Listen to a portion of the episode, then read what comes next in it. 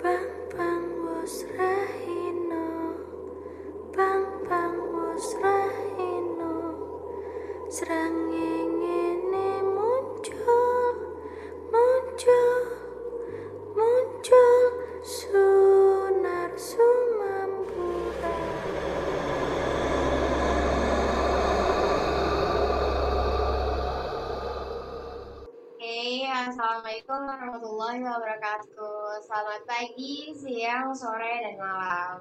Salam lestari, damai di bumi, darat, serta lautan, di mana pun kalian berada. Oh iya, tak lupa nih, walau angka positif COVID-19 sudah menurun, tetap waspada dan jaga iman serta imun kalian ya. Dan yang pastinya nih, kita tetap akan menyampaikan beragam cerita atau informasi menarik dan masih siaran dari Rokum tentunya. Oke, langsung aja nih. Pembahasan kita kali ini adalah tentang dunia lain. Aduh, dunia lain. Mungkin teman-teman di sini udah pada nggak sabar kali ya. Eh, di sini gua udah bersama sama Bang Jait dan Bang Jado ini. Aduh, gimana nih Bang Jait dan Bang Jado ya kabarnya?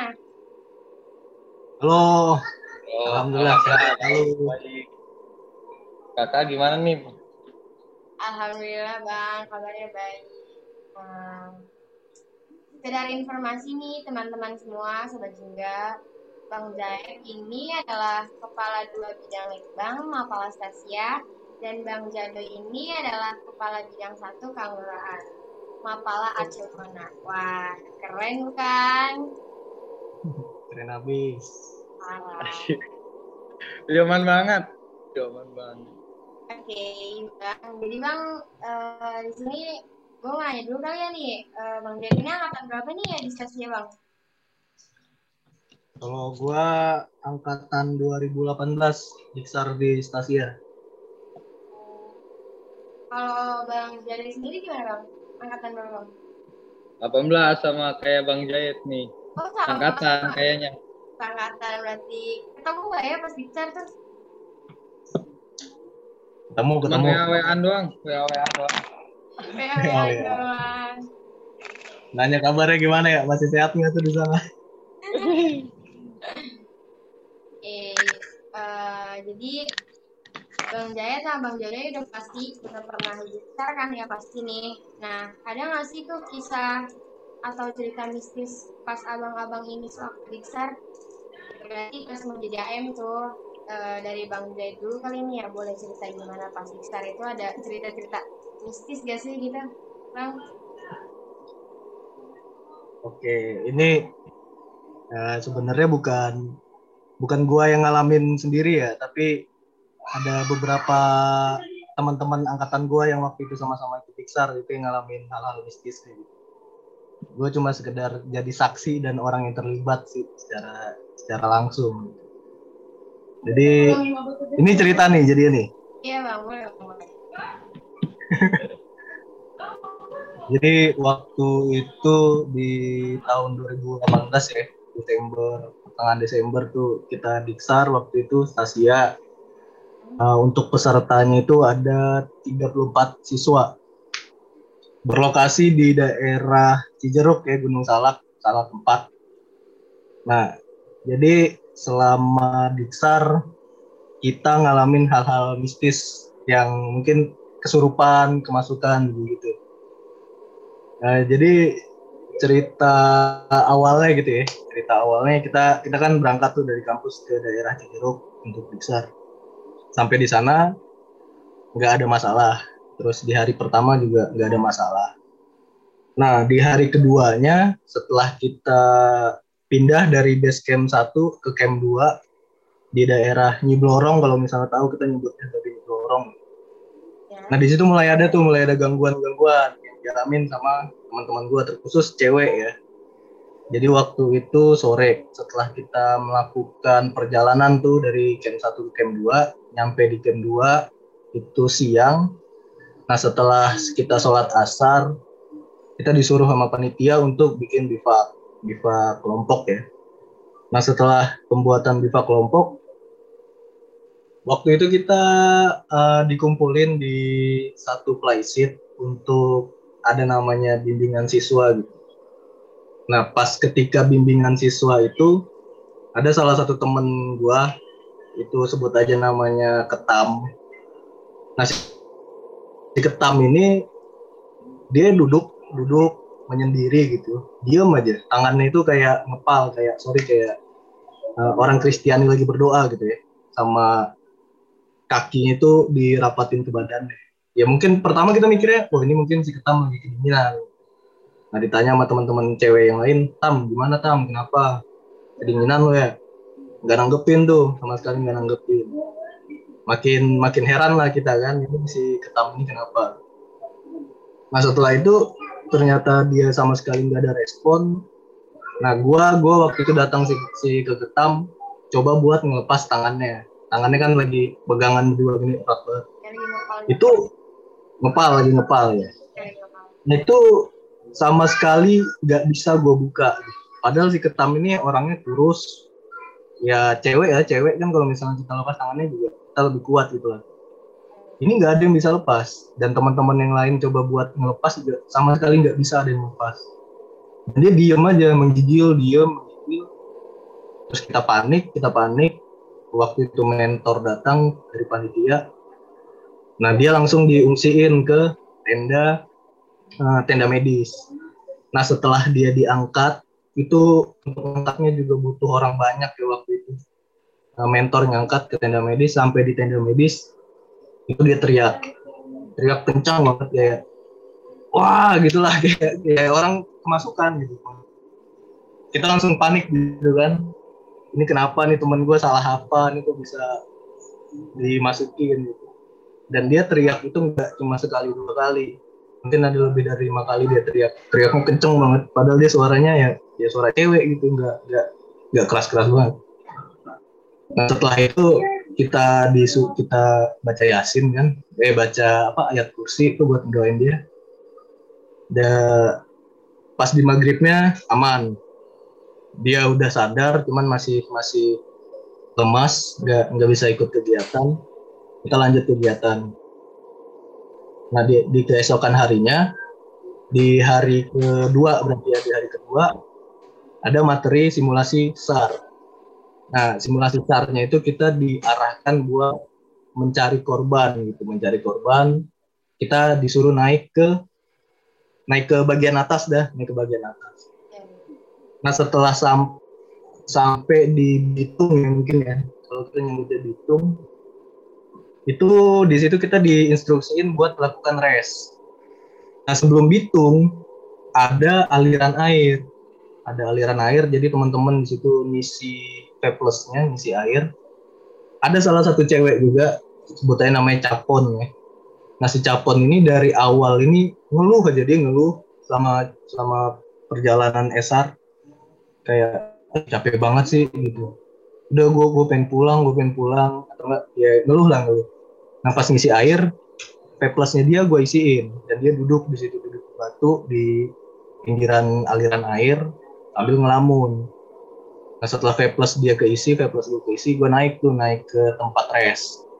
Nah di tempat res itu tiba-tiba nih aneh lagi nih si Capon aneh dia kayak kayak nahan sesuatu. Pas kita tanya, Pon kenapa Pon? dia nggak dia nggak ngerespon dia nggak jawab tapi dia matanya lurus dari ke depan kayak ya kayak nahan gitu kayak ada dia nahan sesuatu dan tiba-tiba lidahnya melet lidahnya melet melet ya, kita kaget kan di sebelahnya nih apa sih bocah nih iya lidahnya melet melet terus lu lu mungkin tahu penari kecak Bali yang matanya tajam gitu tahu. Iya, yang- iya gitu. Nah, nah matanya kayak gitu sambil lidahnya melet-melet. Kita langsung, wah ah, ini kesurupan lagi nih pasti kan. Kita langsung sadarin, pun pun sadar, pun sadar. Dia sadar, nangis, habis itu kemasukan lagi. Tapi anehnya di situ, kan kita ngeres cukup banyak tuh, cukup banyak orang, duduknya juga nggak jauhan. Dan yang sadar dia kemasukan, itu cuma gua berempat. Si- ada si Ketam juga, sama dua orang teman lagi.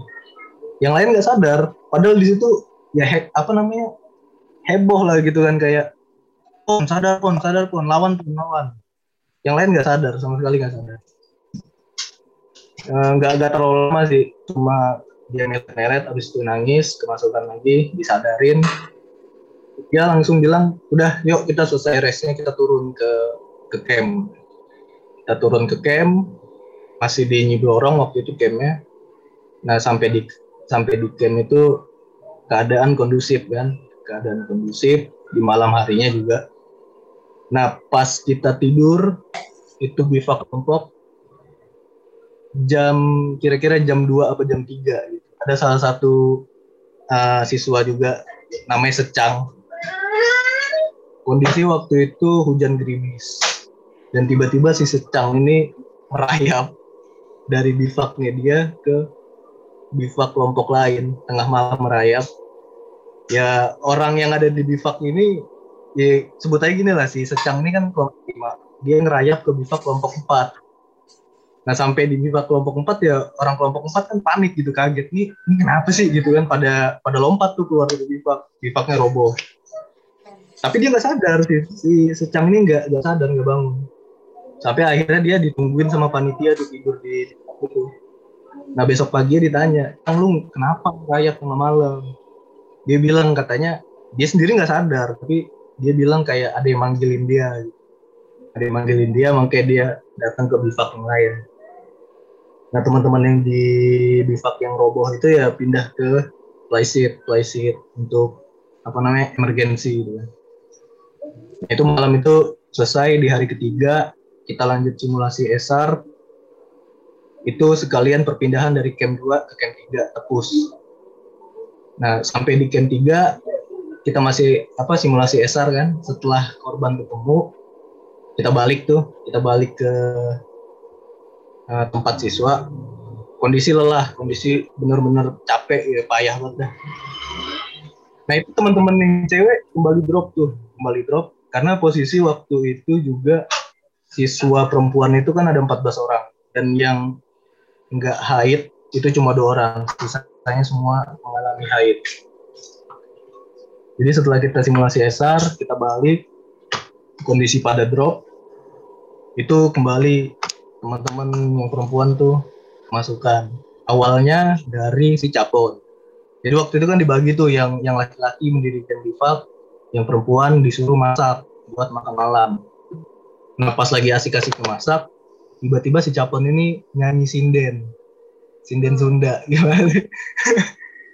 Si Capon ini nyanyi sinden Sunda. Matanya sama kayak tadi yang lirik-liriknya penari kecak gitu nah yang sadar itu waktu itu ada sangit. Sangit ini langsung teriak histeris loh kayak wah nah itu memancing apa kan memancing perhatian. Teman-teman pada datang nah di sebelahnya itu ada namanya Saninten salah satu siswa juga. Ketika kita mulai heboh panik si Saninten ini kembali juga ikut kemasukan. Ikut kemasukan. Jadi yang si Capon sama si Saninten ini diamanin ke tenda panitia, kita dikumpulin untuk ngebacain doa. Nah, ketika kita ngebacain doa, posisi posisi itu sore ya. Ketika kita ngebacain doa, itu malah bukannya keadaan aman, malah makin bertambah tuh teman-teman kita yang kesurupan. Waktu itu ada tiga orang lagi tuh cewek. Dia ikut kemasukan kemasukan, jadi total ada lima orang, lima orang pada sore itu yang kemasukan. Itu uh, benar-benar heboh lah ya. Kita sebagai siswa uh, rasa kayak apa sih ini kan? Udah udah pendidikannya yang kayak begini ditambah kelakuan si jin-jinnya ini gini kan. Nah panitia lah itu panitia yang ngamanin. Pas maghrib uh, aman tuh clear. Tiga orang tiga orang sehat yang dua orangnya lagi masih lemas keadaan fisik nah, lanjut apa namanya lanjut kegiatan malam. Kegiatan malam masih aman aman. Nah di hari besoknya hari keberapa tuh berarti tuh? Hari kelima. Eh hari keempat hari keempat. Hari keempat kita materi survival. Materi survival. Jadi paginya kita disuruh untuk diinstruksiin buat melakukan survival ya. Nah siangnya sebelum makan siang itu pembukaan masa survival. Jadi ada ada yang kita lakuin lah di situ selama pembukaan. Nah setelah pembukaan itu teman-teman di, diinstruksiin balik ke ke flysheet ke flysheet itu balik lagi tuh kayak kemarin. Jadi awalnya posisi kan udah capek nih gara-gara kita survival kan posisi capek dingin begitu mungkin ditambah teman-teman juga ada yang bengong gitu ya. Itu balik tuh satu dua orang dulu kesurupan kemasukan tuh. Sama cewek lagi ya nggak jauh-jauh dari Saninten dan Capon. Ketika Saninten dan Capon ini kemasukan si Ketam balik kemasukan juga tiga orang tiga orang. Nah karena kita udah capek ya udah bosen di situ udah udah biasa jadi ya udah kayak eh kemasukan lagi gitu kan udah nggak ada takut takut ya. Jadi kita pisahin nih yang cewek-cewek ini kita pisahin biar biar nggak kembali dia ikut kemasukan. Tapi setelah kita pisahin juga tetap aja yang lain juga ikut kemasukan. Lima orang lagi tuh kemasukan di siang itu. Nah jadi waktu itu gua ngamanin si Capon. Capon sama ada satu cewek juga. Ke ke tenda peralatan karena posisi udah heboh juga kan udah mulai kemasukan yang lain-lain. Nah, mentor waktu itu uh, ngasih ngasih ini ngajak gitu kayak ayo kita kumpul di lapangan kita nyanyi. Kita nyanyi jadi teman-teman yang lain udah mulai kumpul di lapangan bikin lingkaran nyanyi lah nyanyi Mars Caang nyanyi Mars Tasia Yoyel gitu gitu kan. Ya si Capon ini gue tarik si Capon ini gue tarik. Ada si Cibe juga dia narik si Ketam terus ada maaf maaf juga narik si Saninten terus cewek-cewek yang dua orang lagi sisanya juga ditarikin. Jadi tuh dia kemasukan kita ajakin nyanyi gitu. kita ajakin nyanyi. Kayak ya kita nyanyi dia teriak wah pon nyanyi pon nyanyi tam nyanyi tam. Sadar sadar nyanyi. Dan akhirnya mereka berlima yang kemasukan itu ikutan nyanyi. Mungkin karena setan yang nggak apa lirik jadi keluar kali gitu. Ya itu kan itu udah di hari keempat. Di sorenya sorenya nggak ada nggak ada kejadian. Sampai di hari kelima. Di hari kelima itu sama juga lagi masih masa survival.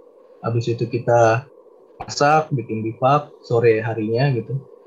Sore harinya udah mulai udah mulai ada gejala-gejala lagi nih ini bakal kemasukan. Nah kita ada, ada antisipasi di situ. Jangan sampai ini cewek-cewek dibiarin sendiri. Karena kalau dia sendiri mau masak mau mau bagaimanapun pasti dia bengong dan mungkin lebih gampang dimasukin lagi tuh. Jadi saya backup sama yang cowok-cowoknya gitu diajakin ngobrol. Kalau perlu juga ya kadang pundaknya kita tepukin gitu biar sadar kan. Sore itu aman di hari kelima itu sore sore itu aman. Di malamnya setelah makan malam ada sesi motivasi. Sesi motivasi. Senior senior datang tuh yang tua tua kan ya diajakin main games terus ya nyanyi nyanyi lagi. Pokoknya happy lah malam. Diajak joget joget tapi ya mungkin posisi udah di hari ke dari kelima capek diajakin joget diajakin nyanyi dua jam. Ya kan ngedrop lagi tuh drop lagi kan pas lagi nyanyi kan semangat. Tapi setelah setelah sesi motivasi kelar kan balik lagi capek. Nah ini yang paling parah. Kalau kalau hari-hari kemarin cuma kemasukannya nyamber nyamber doang ini kemasukannya udah nyamber ngebahayain diri. Jadi setelah kita bikin lingkaran malam-malam bikin lingkaran kita nyanyi kan si capon ini histeris teriak. Teriak-teriak karena dia di sebelah gua dia gua amanin. Pon kenapa pon? Sadar. Dan dia nunjuk nunjuk ke belakang punggung gua. Dia nunjuk dia bilang itu dia di belakang lu dia di belakang mukanya marah dia bilang cabut pigi pigi jangan ganggu gua kata dia cabut. Karena gua juga bingung mau ngapain kan. Gue gue teriakin juga nih di belakang gua. Gua nggak ngeliat gue teriakin nih udah lu jangan gangguin saudara gua cabut lu dari sini gua. Eh habis itu dia kesurupan kemasukan. Dia teriak-teriak parah. Diamanin sama empat orang dia ngegelinjang badannya kan kayak meronta-ronta gitu.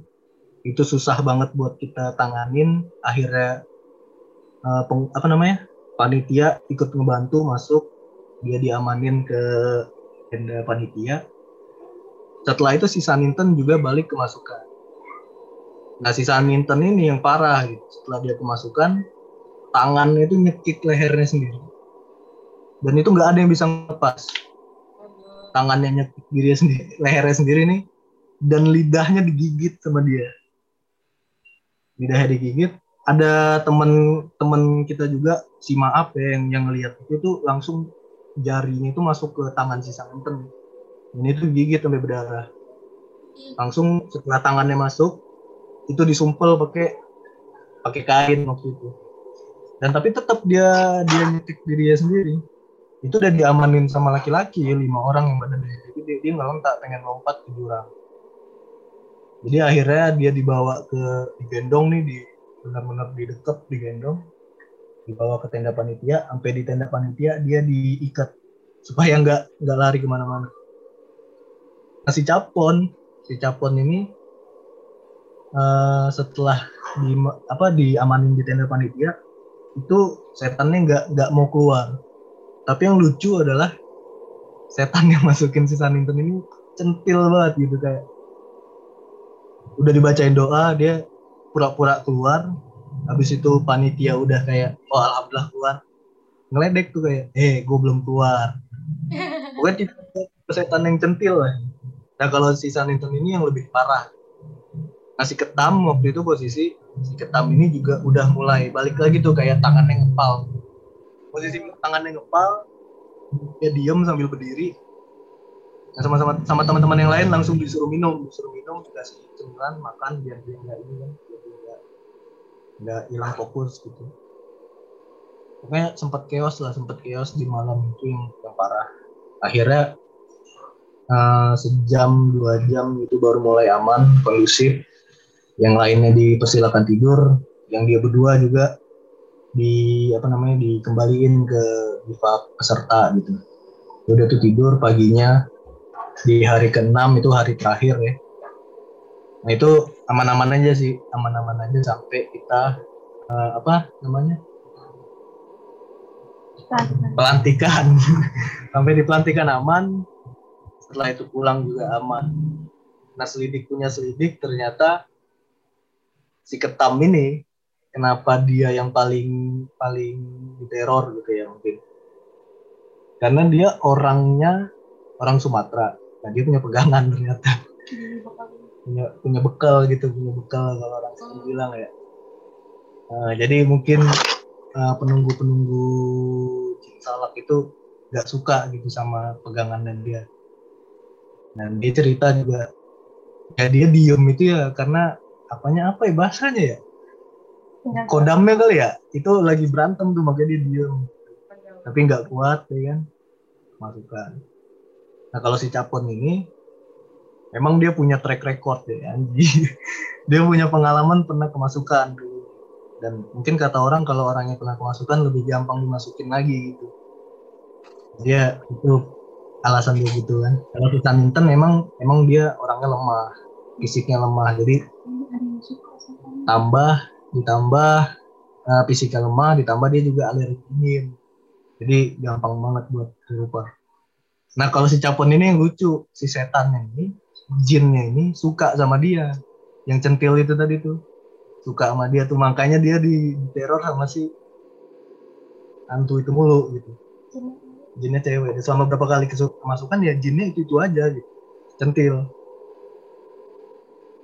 Mungkin itu sih kalau selama selama diksar makanya nama angkatan gue juga salak wingit. Salak itu tempat gue diksar wingit itu artinya bahasa Jawa ya. Artinya angker gitu karena cuma di diksar tahun gue tuh ada kejadian-kejadian kayak gitu. Sebelum sebelumnya belum pernah ada.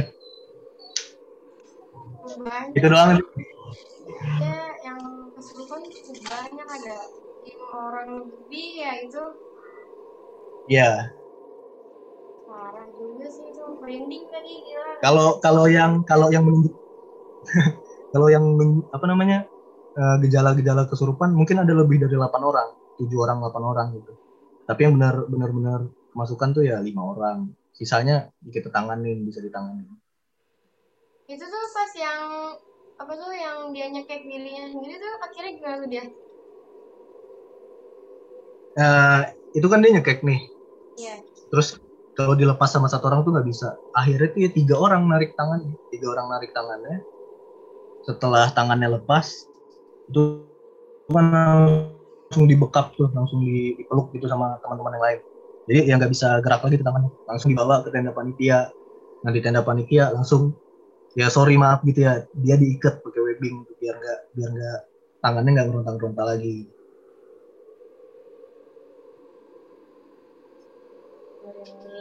Itu pas udah diksar kayak gitu ya. Sekarang, sekarang Bang Jado gimana nih cerita diksarnya waktu itu? Ya kalau dari gua kalau masalah mistis ada yang angkatan gue yang bisa ya kan punya istilahnya apa eh, sayap sayap renggang renggang ya kan tulang renggang Tulang renggang gimana tuh Bang? jadi kalau misalkan kalau kata orang dulu kalau tulangnya renggang tuh bisa katanya bisa kesurupan atau enggak dia bisa punya nama indera keenem. Jadinya eh, pas lagi diksar pendidikan kan anak-anak ke angkatan gue mah nggak ada yang ngerasain mistis. Paling panitianya tuh. Panitianya dari yang 2016 abang gua pas itu anak-anak kan lagi mau sholat. Nah di itu ada musola tuh bukan musola sih disebutnya musola buat anak-anak biasa sholat nah itu anak-anak habis dari ambil wudhu abang gua kayak ngon- ngontrol ya kan nah pas dia balik lagi dia kayak diliatin kan di depan itu di belakang lapangan ada batu gede kan tuh di situ dekat musola. Nah ada, ada abang gue juga ada yang ngeliatin pas lewat. Eh pas di ditegesin ternyata ada yang duduk di situ pakai baju warna putih terus panjang. Waduh, apa sih? Ya nggak tahu juga sih M- mungkin kayak penunggu situ. Ah, kayak ke dia bang. Nah jadinya abang gua juga sok tuh pucet langsung mukanya. Emang pas di situ juga belum langsung bilang kan, baru masih nanya-nanya lagi, mau ditegasin lagi ternyata cuman abang gua doang yang bisa ngelihat, yang kelihatan. Gak bisa. Ini ada orangnya nih. Nih coba nih abang ini nih. Ya sorry ini lagi rame di secret. Iya Bang. Bang, di belakang lu ada itu, Bang. Iya, Bang. Nah, ya itu. Ini ini, ini yang cewek siapa nih? Ya. tahu, tahu, tahu, tahu, tahu, tahu. Jadoy banyak di Gak apa. ntar Jadoy ngeditnya nih. Iya nih. Lah, sorry, sorry, sorry. Aduh. Lu tahu sendiri apa gua. Ini kan Bang Jat, aduh istri serem juga tuh ceritanya Bang Jat tadi. Banyak Iya. kisah mistis yang ini di angkatan lu Jat. ya gitulah diharapin tapi ada Nah, iya Jat lanjut. jadinya Lanjut Bang. abang gua yang yang ngerasain itu kan mistis. Oh dari angkatan gue juga, alhamdulillah nggak ada mistis, nggak dapat paling pas lagi syukuran doang tuh angkatan gua yang mistisnya ada pas lagi kegiatan syukuran kan. Habis turun kan di sini mah ada acara syukuran ya kan per- perkenalan anggota. Iya. Nah di syukuran itu emang dia beda. Si namanya si Sulang. Eh Sulang. Suling. Dia pas lagi kan di villa itu dia kayak banyak pohon bambu kan tuh sekali sekitar sekitarnya tuh. Nah ternyata pas ditanya emang warga warga-warga yang suka lewat situ emang suka ngeliat di sekitar villa kan tapi villanya bak gede emang pas lagi kegiatan mau dimulai nah katan gue tiba-tiba kayak diem tiba-tiba ketawa sendiri Disuling. Nah, ah? Iya. yang ketawa. ya ketawa sendiri dia kan kayak gue kenapa kan kita lagi pada prepare nah dia tiba-tiba lagi diem satu ruangan sendiri emang pas angkatan gue lagi saudara gue nyamperin dia ternyata udah kayak ketawa-tawa sendiri gitu. Untungnya nggak terlalu anarkis. Jadinya pas lagi udah kesurupan ketawa-tawa sendiri kan langsung tuh di angkatan gue langsung dibopong. Mukanya pucet banget udah. Jadinya udah nggak bukan dia lagi kan cuman minta kayak ya anjir. Biasa dia biasa dah kalau hal mistis kan mintanya kopi atau rokok ya kan nah tuh dia mintanya kopi hitam sama ro rokok super. Jadinya enggak iya iya padahal mah nenek-nenek. Isi yang masukin dia kan. Pas udah dikasihkan tuh dikasih kopi doang rokok enggak ya kan. Udah dikasih rokok kopi doang kagak mau dia. Malah mau tambah rokoknya tapi gak diminum sama dia. Terus pas ada yang alhamdulillah bang abang ada yang bisa ya kan? Nah dari udah ditanya-tanyain apa ternyata nggak suka ada keramaian di situ. Dia biasanya sepi kotor ya kan? Pas itu lagi dibersihin sama anak-anak. Lagi rame juga kan? Anggota datang dia nggak suka ternyata di situ. Nah udah tuh habis di apa dibacain nggak kena juga kan? Nah anggota abang-abang bisa disembuhin dah tuh. Terus langsung udah sih gitu aja cuman kayak langsung keluar aja nggak ngelawan atau apa gimana? Langsung dibaca dibacain eh dia langsung keluar. Berarti nggak ada perlawanan gitu ya? iya nggak mungkin cuman apa dia nggak suka keramaian aja makanya dia iseng ndak iseng. Pas banget dia lagi saudara gua lagi dapet kan pikiran kosong. Wah gampang dimasukinnya. Iya itu. Ini lau jatuhnya ini emang tuh? Syukuran bukan diksar ya? Berarti Iya. ya? kalau di Diksara angkatan pribadi gua mah angkatan gua nggak ada mistisnya. Paling panitianya doang tuh gue juga di hampir denger-denger juga kan diceritain juga.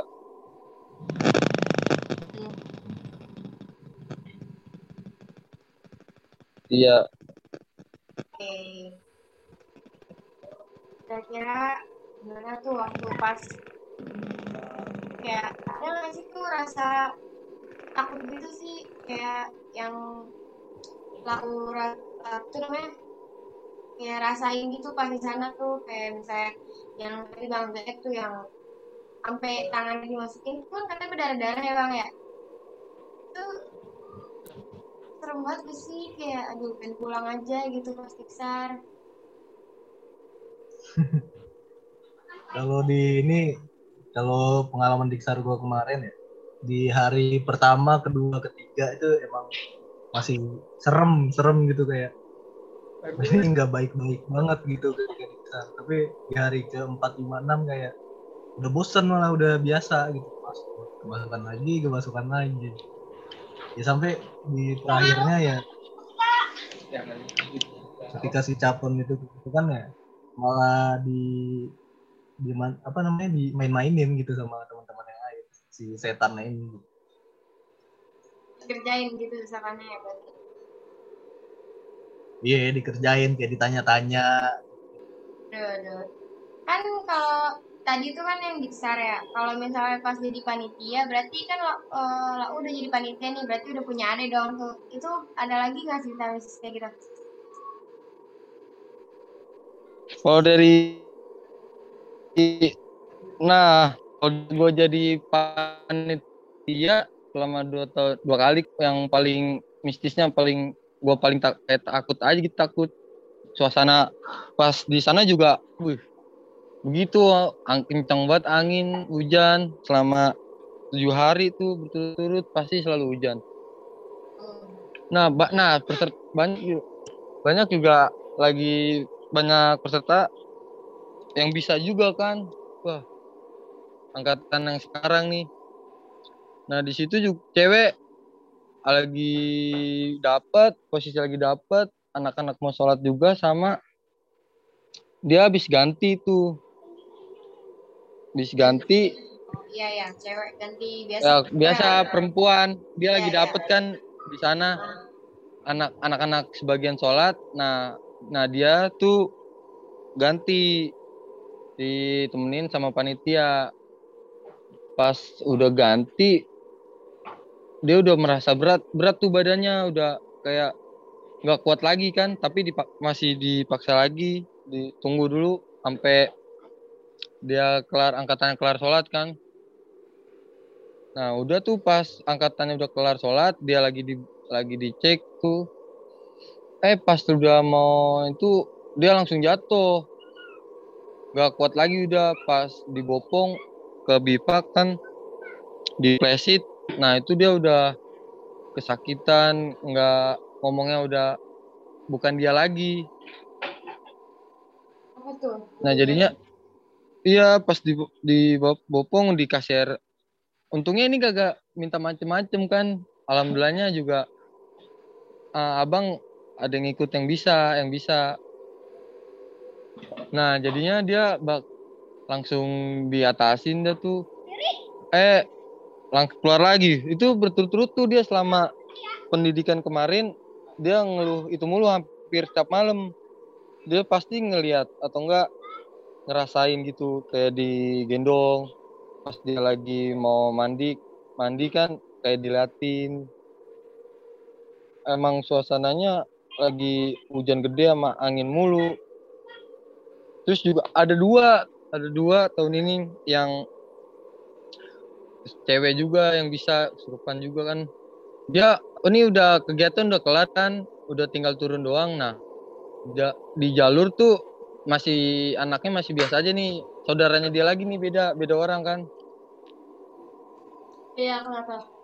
nah itu dia pas di selama kegiatan mah nggak kenapa-napa kan. Cuman kayak eh, biasa lah kayak masuk angin kayak gitu kan. Ternyata pas dia diem-diem pas mau turun baru ketahuan tuh. Dia hamin eh pas hari kelima itu udah merasa nggak enak. Kayak ada yang ngikutin kayak yang diintilin gitu diliatin pas lagi kegiatan di, di atas kan. Nah untungnya kalau pas lagi kegiatan dia enggak pas lagi turun tuh habis kelar kegiatan dia turun tuh awal pas turun mah enggak kenapa-napa pas hampir nyampe 10 menit lagi dah. Sampai rumah kan. Sampai kamp- perkampungan. Itu dia jatuh pas lagi banyak pohon bambu jam setengah enaman. Jatuh udah.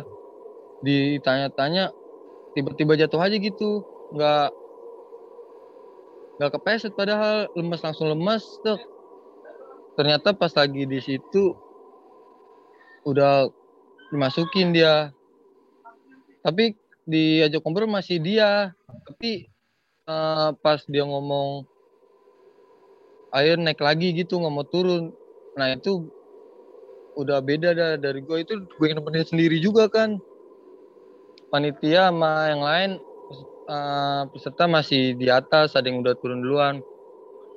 Pas sampai maghrib masih mau nggak mau turun tetap mau naik aja ke atas Udah tuh mau nggak mau itu sampai jam ma- maghrib di situ gelap gelapan kan.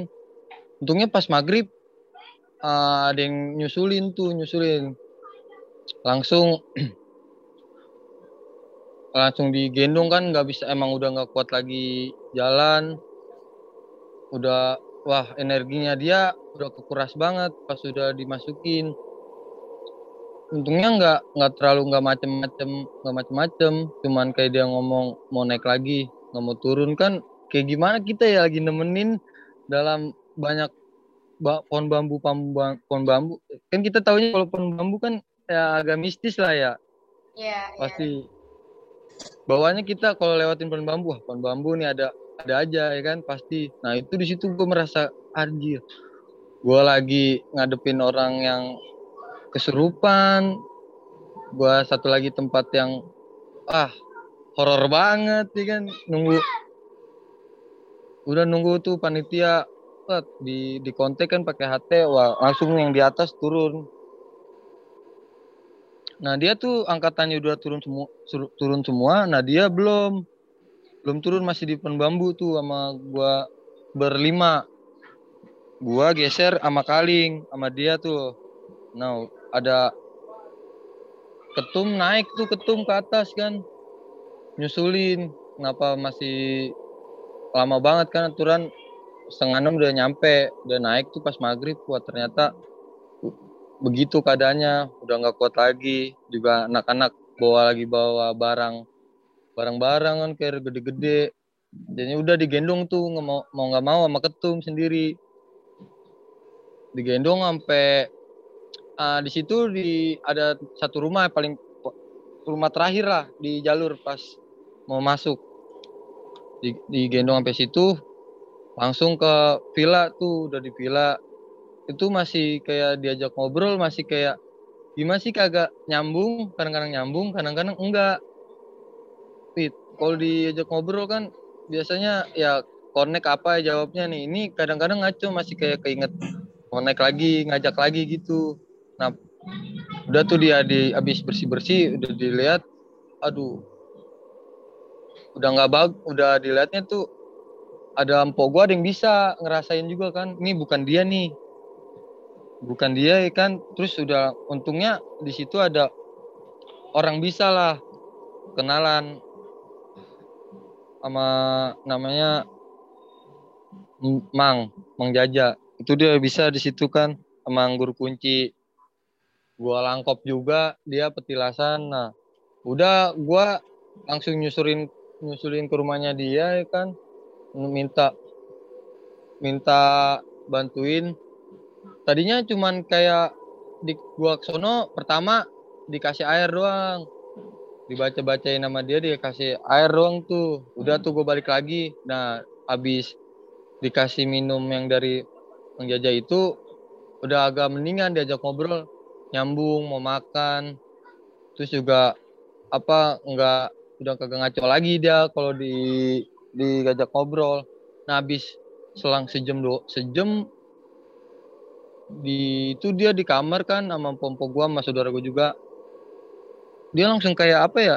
Tadinya kita ketawa-tawa tawa-tawa ya kan ngobrol tiba-tiba diem dia. Terus pas lagi itu langsung kayak ketawa, langsung ketawa dia. Ketawa-tawa sendiri, padahal nggak ada yang lucu atau gimana dia ketawa-tawa sendiri. Pas manggil empo gue lagi wah balik lagi kan? Wah gue mau nggak mau lagi nyamperin Mang Jaja ke iya. atas lagi kan. Ternyata dia pas itu nggak bisa turun karena lagi ada tamu di rumahnya. Gue ke sana lagi dua kali eh tamunya udah udah pulang. Jadi dia masih bisa bant ngikut tuh gue turun lagi ke villa di atas sama dia. Ternyata uh chaos juga tuh.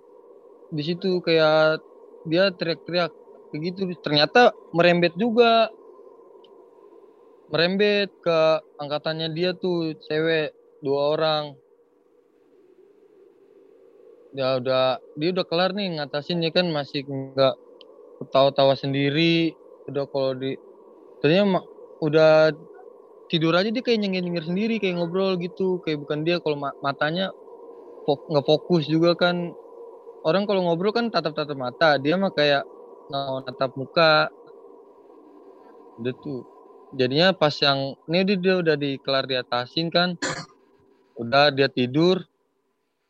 Terus satu lagi temen eh saudaranya dia dipanggil ternyata pindah ke dia kan nyangkutnya. Nah itu dia lagi saudaranya itu lagi pucet juga langsung tiba-tiba. Setan yang sama tuh? Apa setan yang sama tuh Enggak, ini tuh beda lagi. Pindah pindahnya buka masuknya bu, bukan yang sama. Beda lagi kan, di atasnya lagi itu untung uh, yang masukin kayak nggak terlalu arogan lah. Nggak teriak-teriak, nggak kayak yang satunya lagi. Yang kesurupan yang di jalur itu kan. Ini masih soft dah, masih bisa agak nggak lama di atasinya. Nah, abis itu ada lagi yang yang kena cewek juga tuh yang yang bisa juga. Dan di dia itu sama yang kayak yang pertama masih ketempelan juga di situ dia. Udah diatasin sama Mbah Mang Jaja juga kan langsung tiga tiga orang itu ganti-gantian. Udah tuh udah jam 12 kan dia Mang Jaja pulang nah saudara gue tuh nganterin dia tadinya berdua dia di jalur udah saudara gue digodain kayak apa ya tiba-tiba Abah Jaja ini kayak ngeluarin ngebuangnya ngeluarinnya pas dia lagi di jalan tuh berdua di motor kan Iya. Nah, ngeluarinnya itu dalam tubuh, ngeluarinnya dalam tubuh saudara gue tuh si Talem namanya. Dia lagi naik motor, set. Tiba-tiba Mang Jaja suruh stop kan, stop dulu berhenti pelan-pelan. Tiba-tiba Mang Jaja narik dari eh, megang dadanya dia, eh dada punggungnya dia, tiba-tiba ngebuang gitu. Terus dia ngomong, eh, udah deh, udah saya buang, alhamdulillah udah aman. Gitu kan. Terus saudara gue ini lucunya gitu, lucunya nih apa ya? dia saudara gue balik lagi minta temenin takut pulangnya sendirian kan emang lumayan jauh balik lagi ke villa udah bertiga kan udah tuh di di kata Mang Jaja udah nggak ada lagi nggak nggak nggak ke situ lagi kan udah dibuang udah dikeluarin sama dia. Nah pas dia udah nyampe rumah saudara gue balik kan tuh berdua jadinya. Sepanjang jalan itu dari dari rumahnya Mang Jaja sampai ke villa itu dia kayak di apa di bukan digodain sih kayak dikerjain gitu sama makhluk astral ya. Se- Udah sih. Kayak di apa ditakol tiba-tiba kayak ranting jatuh gitu langsung depan motor. Wah shock juga kan anjir. Terus juga udah wah paginya itu ada anggota yang tidur mimpi mimpi, mimpi kan ke atas lagi tuh dia pagi-pagi. Naik lagi ke ke tempat camp lapangan tuh abang-abang berjadinya ada so- ba- ama geser tuh dia ke atas bertiga balik lagi ke tempat camp. Dia dimimpiin katanya ada yang sesuatu ketinggal di atas di lapangan. Ternyata pas lagi di subuh subuh tuh izin juga ke Mang Jaja kan. Gimana nih kalau emang mimpi itu emang harus ke atas atau enggak ya kan? Nyari na- nanya saran juga kan ke Mang Jaja. Katanya kalau emang begitu yaudah emang penasaran naik aja subuh subuh itu dia naik. Habis dimimpiin ngajak geser sama Bang Kemon buat naik. Subuh tuh di jalur udah kayak apa ya? Katanya eh, angin kenceng mulu. Hujan gak angin kenceng kayak masuk langsung ke tulang. Beda.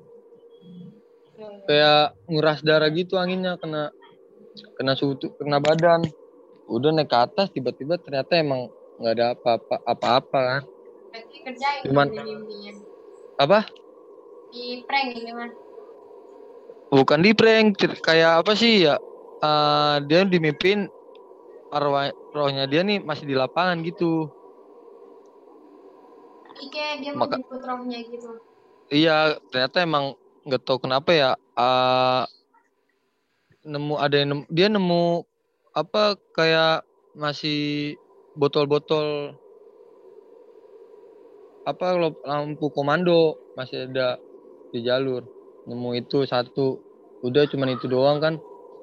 Udah pas paginya juga dia turun nggak ada apa-apa alhamdulillahnya. Mungkin cuman pertanda doang kali ya dia suruh naik gitu. Kayak ngajak balik lagi turun. Alhamdulillah pas paginya itu dia nggak kenapa-napa yang peserta ini pagi udah juga langsung dibawa ke rumah sakit kan secara medis nih. Kan mistis sudah secara medis biar kita ketahuan juga penyakit apa entah ngaruh ke penyakit kan. Ya sih gitu nisbir. Oke, berarti di sana selama jadi panitia. Berarti di sana berarti ada orang itunya juga ya menjajah menjajah. Iya, ada di situ dia kayak apa ya? Di situ kan ada petilas petilasan gua langkop. Nah, dia yang penjaga lah istilahnya guru kunci di situ. Oke, kalau dari Bang Jaya sendiri gimana Bang? Kalau selama jadi panitia nih, berarti kan udah punya adik berapa ya? Dua, dua. Iya dua, berarti ada ada nggak tuh si adik-adik lu dong yang serupan atau gimana gitu mistis-mistis. Kalau selama dua kali besar ya, dua kali besar gue jadi panitia, selama kegiatan untuk si siswanya atau pesertanya nggak pernah ada ngalamin hal-hal yang angkatan gue alamin dulu, tapi justru panitianya nih malah nih panitianya. Dan itu juga yang di yang kena kena kena apa namanya kena kena gangguan ya angkatan gue juga. Yang sebelumnya kesurupan juga di Diksar tuh. di 2019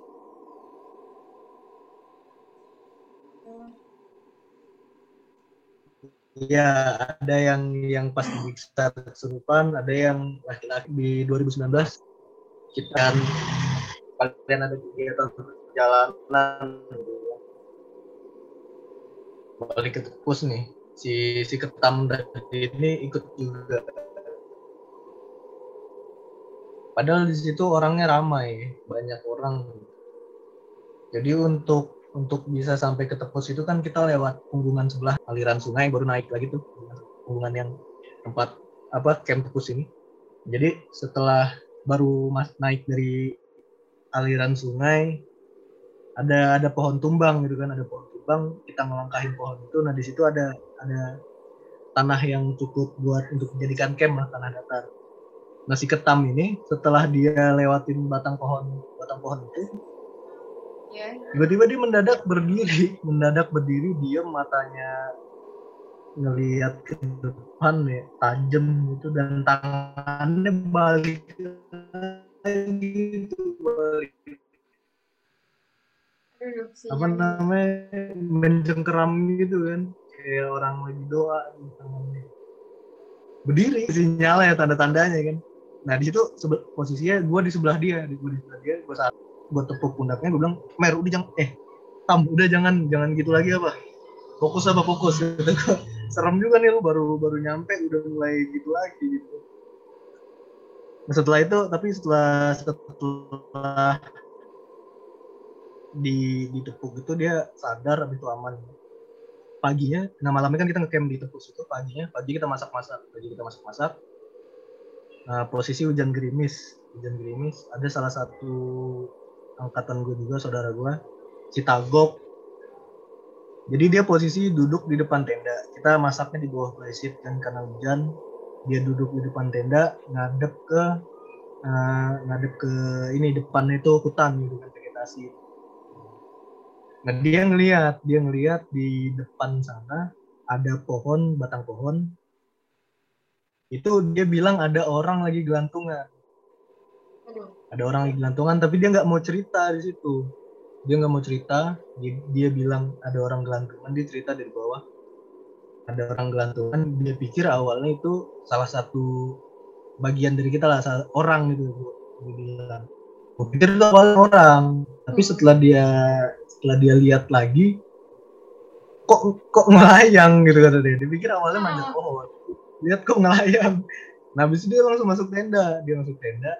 Pas dia keluar balik lagi gak ada apa-apa.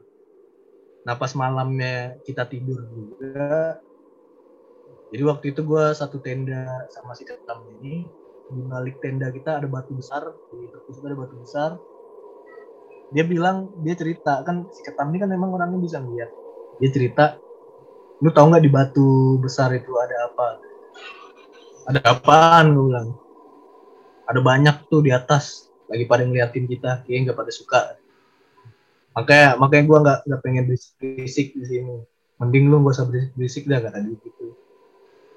Ya, gue langsung deg-degan aja kan tengah malam dia cerita begitu di belakang tenda gue lagi kan udah gue usah ceritain gitu dah. Tapi sel- selanjutnya setelah itu ya nggak ada nggak ada nggak ada kejadian-kejadian. Nah baru di eh, apa namanya di 2000 yang kemarin nih yang di SAR kemarin. Sama gitu juga ketika lagi survei eh, ada angkatan gue juga Gorbon. Surveinya waktu itu sampai ke Pasirawa dan bikin bikin camp di Pasirawa waktu survei kan bikin flysheet jadi panitia survei itu Advan pada tidur di bawah flysheet nasi gorbon ini tidur di paling pojok paling pojok Ya. Nah, kalau nggak salah jam 12 atau jam 1 gitu. Lagi pada tidur, dia dengar ada orang ngucap assalamualaikum di kupingnya. Di kupingnya, assalamualaikum gitu. Nah, dia karena dia panik dan nggak pengen cerita, dia langsung pindah ke tengah tuh, dia langsung pindah ke tengah. Dan ada satu orang lagi, panitia juga, Evan, Kipli gitu. Dia dengar suara derap derap kaki, tapi rame derap kaki, derap- apa orang lagi jalan gitu tapi rame. Dan dia nggak nggak- nggak cerita juga. Ketika pas turun baru tuh dia berdua cerita, katanya dia assalamualaikumin gitu kan. Gue pengen jawab takutnya bukan orang, kalau nggak gue jawab takutnya gue dosa, jadi mending gue pura-pura tidur beda karena sih setelah itu besoknya beberapa minggu kemudian kan survei lagi survei kedua. Itu juga lumayan eh, ramean nih kali ini survei ramean karena bakal pecah nah, ada ada salah satu orang juga yang yang bisa ngelihat jadi waktu itu eh, kita ada rencana untuk bikin camp di di perkebunan ya di daerah perkebunan. Nah yang ngelihat ini dia dia bilang gua nggak mau kita ngecamp di sini. Nggak nggak ada alasan gua nggak mau kita ngecamp di sini. Kita pindah. Karena yang lain nggak tahu kan alasannya kenapa dia nolak ngecamp di situ. Yang lain maksa. Udah dah udah capek udah capek udah mau maghrib udah kita ngecamp di sini. Tapi dia tetap kekeh nggak mau. Kalau misalnya tetap ngecamp di sini gua gua gua ngecamp sendirian di tempat lain. Akhirnya terakhir yang lain juga ngalah kan ngalah. Pindah camp tuh pindah camp Nah baru dia jelasin di situ ada pohon ini kan, ada pohon bambu, pohon bambu, terus ada lubang di sebelah pohon bambu. Nah di lubang itu itu kata dia ada banyak ya makhluk-makhluk lah. Sama di pohon bambu itu juga ada banyak makhluk dan dia ngeliatin ngeliatin kita ini. Katanya. Dia nggak suka ma- matanya marah merah. Katanya. Ya kayak orang nggak suka gitu. Makanya dia kekeh buat nyuruh tim itu pindah dari situ. Gitu tapi selama untuk Diksar sih nggak ada nggak ada ini sih nggak ada apa namanya untuk pesertanya nggak ada gangguan. Nah, pernah juga pas Diksar ada tim konsumsi tim konsumsi malam-malam malam-malam ya? Nah, itu malam-malam dia dengar ada suara orang ketawa. Di tenda ada suara orang ketawa cewek. Tapi sekilas nggak nggak panjang gitu. Nah setelahnya satu orang lagi di tenda itu juga dengar tapi yang dengar cuma dia berdua. Jadi kalau untuk kepanitiaan nih, di di luar dari Diksar bisa nih. Bisa, boleh, boleh. Karena Dikjut waktu itu Dikjut mau ke tebing Jeger ya. Hmm. Jadi eh, jadi kita berangkat dari Secret malam kan, habis Isa. Jadi sebelum kita nyampe di baru masuk ke apa namanya desa desa apa itu yang ada jembatan? Sungai. Apa ya namanya? Ada jembatan tuh. Daerah daerah tajur tuh jembatan baru masuk ke desa yang Pak Eman nih. Gue lupa nama nama jembatannya apa. Nah setelah jembatan itu ada pohon bambu tuh kalau misalnya yang pernah ke sana gitu. Sama nih gue gue boncengan masih ketam lagi nih emang kalau sama dia mah udah bahaya dah gitu ya. Setelah lewat jembatan lewati pohon bambu posisi jam 9 malam dia teriak astagfirullahaladzim. Kenceng banget nih astagfirullahaladzim ada dia kan. Gua gua kaget. Ada apa ada apa tam? Gua bilang. Dia bilang ada sosok hitam gede eh, hitam gede berbulu gitu di balik pohon bambu itu. Ngeliatin dia. Setelah gua tanya itu apa motor gue jadi berat. Terus dia marah. Motor motor gue jadi berat. Terus si si ketam ini marah. Jangan dibahas. Bahas dia nggak suka dibahas. Ya kan gue nanya. Gue bilang ya udah diem aja diem aja. Istighfar istighfar. Astagfirullahaladzim. Habis itu deh kelar tuh motor balik ringan udah tancap gas aja udah. Itu doang sih kayaknya kalau selama jadi panitia ya. Ya, berarti tuh si ketam itu nih indi indigo nggak sih jatuhnya dia karena terus menerus nih dia ya nggak sih kayaknya iya kayaknya ya, Hah? indigo Iya, dia dia punya kemampuan lebih dah. Apalagi dia juga punya pegangan kan. tapi sih ada ada rasa takut ya sih bang kayak Kalau kalau dia sih udah biasa kan gue sempet tanya ke dia juga kan. Lu kan bisa ngeliat nih, lu takut gak sih kata gue. Kalau dia bilang sih, ya gue biasa aja sebenarnya karena karena udah sering gitu. Tapi kalau dia ngeliat si si makhluk ini lagi marah, dia serem juga. Kan. Apalagi marahnya marah ke dia. Nah, itu dia, dia juga nggak berani sih gitu. Nah, seperti itu teman-teman kisah serta pengalaman Mapala nih selama di besar mistisnya nih gimana gitu. Sebenarnya kalau diusut dan punya waktu yang panjang sih bakal lebih banyak lagi kali ya ceritanya ya bang ya. Jadoy banyak banget ceritanya. Sip. Tadi kan udah ceritain.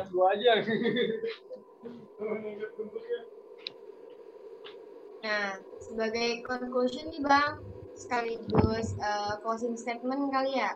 Gimana nih seharusnya kita menyikapi hal-hal seperti itu, apalagi notabene kita kan akan lebih banyak berkegiatan di alam bebas ya. Nah, ditambah gunung itu kan kerajaannya mereka yang tak kasat mata itu. Mungkin ada nggak sih bagaimana seharusnya kita bersikap gitu?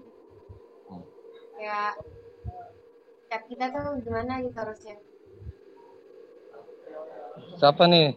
Gimana doi? Bang Jari dulu deh boleh. Kalau dari gua nyikapinnya kan yang tadi kayak Nisbir bilang yang gunung itu kan tempatnya mereka kan ya. Iya betul. Mungkin kita jaga attitude di kayak ke rumah kita aja sih kalau misalkan biasanya sepi terus banyak rame-rame kerumunan kan kita kayak apa sih nggak enak juga kan kayak kesal nah sama pun kita ke sana kalau kita lagi ngerusak tempatnya dia atau nggak nggak bikin senang dia kan sama aja kayak marah juga kan. Nah berarti kan kita harus jaga adat istiadat juga. Di situ itu itu itu, kita dipakai di alam bebas juga supaya kita istilahnya aman lah kalau dari mistis. Nah kalau dari pribadi gue apa ya gue selalu ngucapin ketika mau ngetrek ke gunung atau ke mana pasti ngucapin salam sih tuh sopan satu ngucapin salam. Ya mungkin ada yang orang bilang uh, itu dia kerasukan padahal dia kayak hipotermia kan. Susah itu ngebedain tuh orang yang nggak tahu yang orang awam lah. Nah, jadinya kita harus juga paham nih kondisi. Jangan cuman dilihat kita lagi di posisi di gunung padahal bukan yang mistis yang kena padahal kena hipo. Nah itu kita harus belajar cara nanganin hipotermia itu. Nah kan ada kan di berita hipotermia katanya kerasukan kerasukan halu halusinasi kayak bukan kita kan dia hipotermia. Ya begitu kalau dari saya? Oke kalau dari bang saya sendiri gimana nih bang? Kalau dari gue sepaket sih sama apa yang dibilang Jado ya. Ketika kita berkegiatan di tempat yang bukan tempatnya kita sebaiknya kita juga harus menjaga kelakuan kita ya. Di ya di Mapala sendiri kan dipelajari gitu etika berkegiatan di alam bebas ya. Kayak jangan jangan berkata kata kasar jangan membuat kehebohan yang terlalu gitu. Jangan meninggalkan sampah. Jangan menebang gitu gitu kan sebenarnya itu uh, salah satu bekal ya yang bisa menjaga keselamatan kita dari gangguan-gangguan makhluk-makhluk seperti itu gitu. Uh, ya itu gitu ngejaga kelakuan kita etika kita ketika di alam bebas. Karena ya percaya nggak percaya mereka ada. Dan kalau kita mengusik mereka ya mungkin untuk catatan untuk teman-teman yang cewek gitu ketika lagi berkegiatan lagi besar atau apa pun gitu dan posisinya lagi haid ya mens ya? Lagi mens lagi haid. Uh, uh, apa namanya dijaga kebersihannya lah gitu. Apanya?